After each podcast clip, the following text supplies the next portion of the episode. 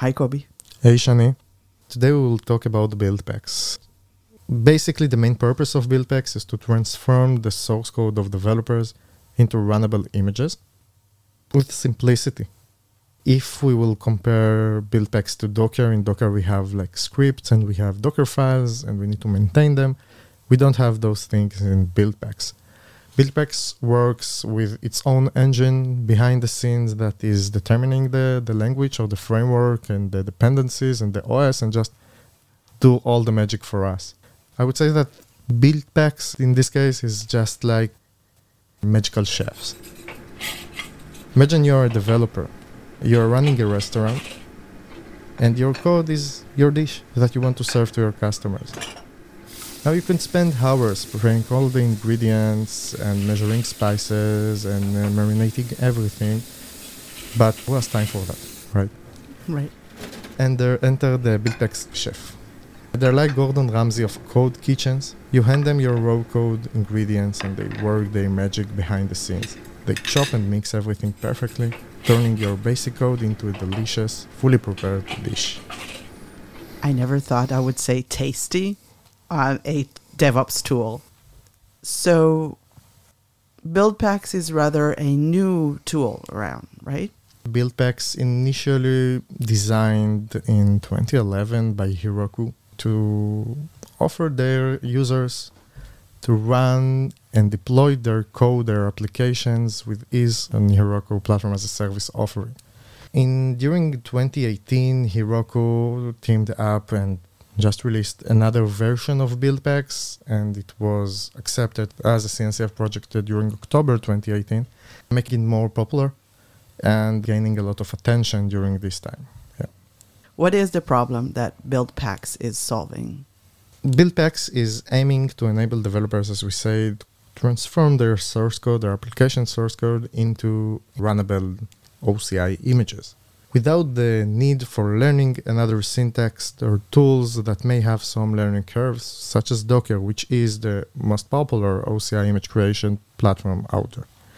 One of the main benefits that I can say about Buildpacks in that context is that Buildpacks is managing for the developers all the dependencies. It's keeping the dependencies up to date, so we have like uh, minimizing the risk, the potential security risk in our application. Buildpacks is determining the language that we are using in our code or the frameworks that we are using, and it's just preparing all the stuff for us. All we have to do is just run one or two commands in the CLI of Buildpacks, and that's it. So, why are people not using Buildpacks? Good question. First of all, Docker is currently the most popular OCI image creation platform out there, and I would say that somewhere between 70 to 80 percent of the market share of the image creation product is led by Docker. We have tools such as Podman or Containerd and Buildpacks, but they are much, much, much less used than Docker. Let's convince people why they should use Buildpacks. What's the differences between Buildpacks and Docker? So for start, I would say abstraction. So Docker is relies on Docker files. Writing Docker files requiring from the developers to learn the syntax and maintain the file over time because our application is changing, our dependencies are changing, and we need to change the Docker file accordingly. So in contrast, Buildpacks is offering a more abstract solution. It is detecting the language and the frameworks that are used in the source code, handling the dependencies, and packaging all together into one bundle making in the process much more easier for developers. What's the most interesting part about how Buildpacks works? Basically, Buildpacks has five stages uh, during its work or its life cycle of process. So the first thing is, and for me, it's the most interesting stage.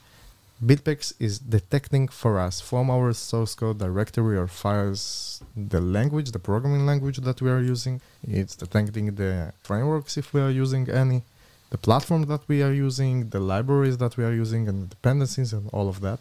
And it's basically preparing for us at that stage all the relevant configuration and scripts to run towards the next stages of the lifecycle of Buildpacks. The first one is like a private eye, like a private detector.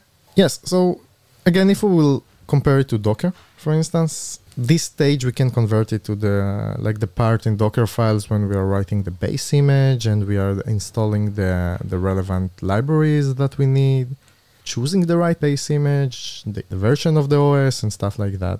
BuildPacks is just doing that automatically for us. Cool. The next stage, BuildPacks will be select the builder based on the detection stage. So BuildPacks will choose the right package that he will use, internal package of BuildPacks that he will use in order to build our OCI image.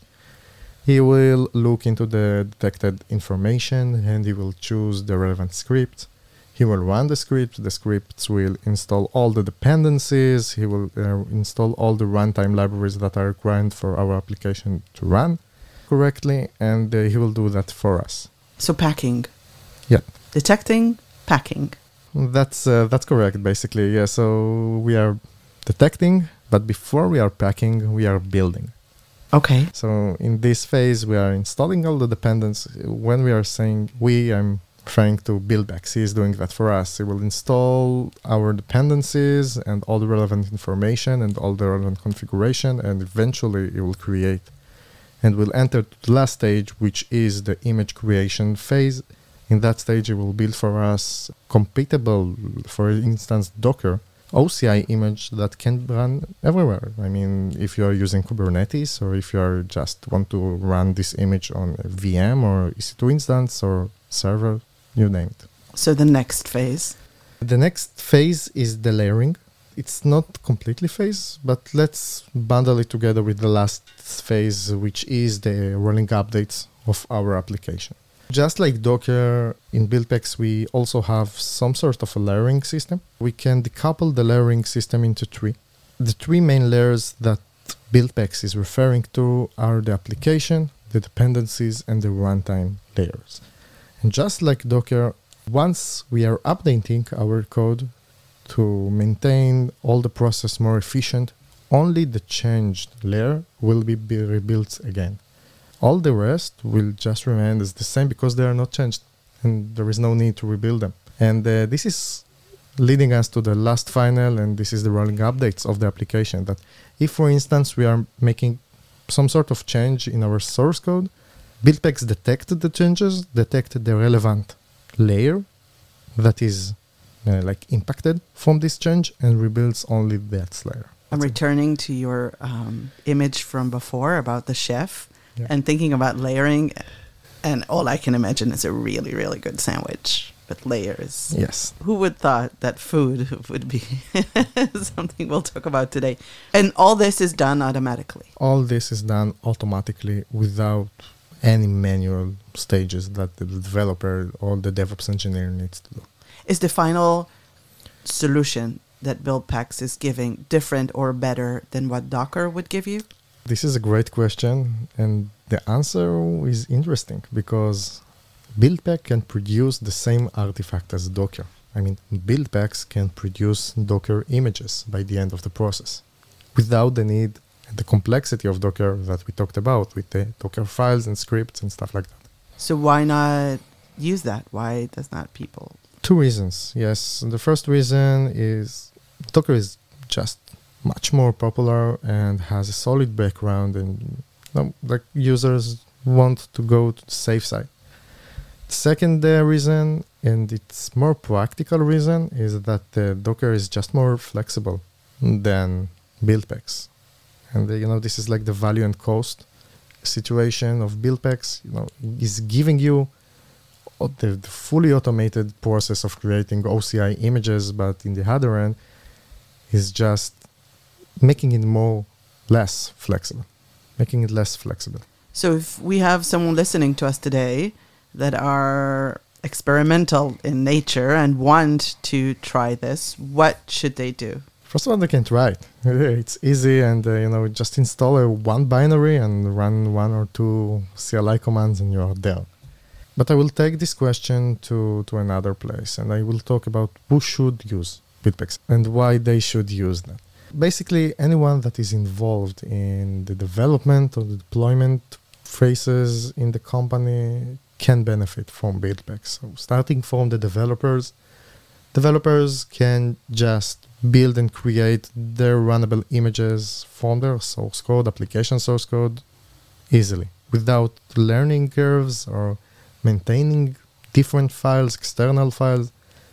Just write your code, focus on writing your code, and let buildpacks do all the rest.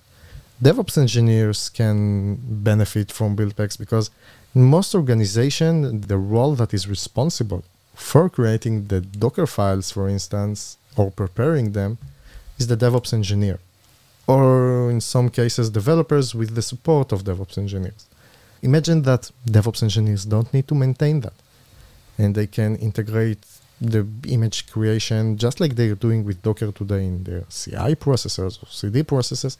They can just cr- integrate Buildpacks image creation inside their automatic processes. Security teams can benefit from Buildpacks. As I mentioned, one of the stages or one of the benefits that Buildpacks has and offering is the up-to-date dependencies management that it's completely automated. In Docker or in other image OCI image creation uh, tools, we need to install dependencies by ourselves. And in that case, we need to make sure that the dependencies stay up to date because all the time new CVEs or more uh, potential risks, vulnerabilities are found in these dependencies or that dependencies, and we need to make sure that our dependencies are up to date.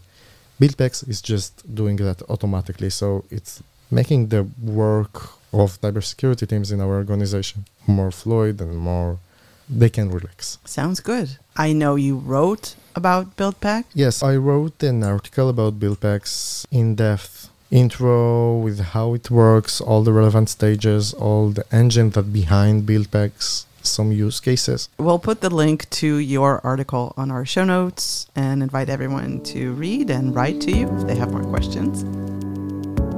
What's your favorite dish in restaurants? Pizza. Hmm. Pizza is the solution to everything, Yeah. as long as it doesn't have pineapple on it. Thank you, Kobi. Thank you, Shani.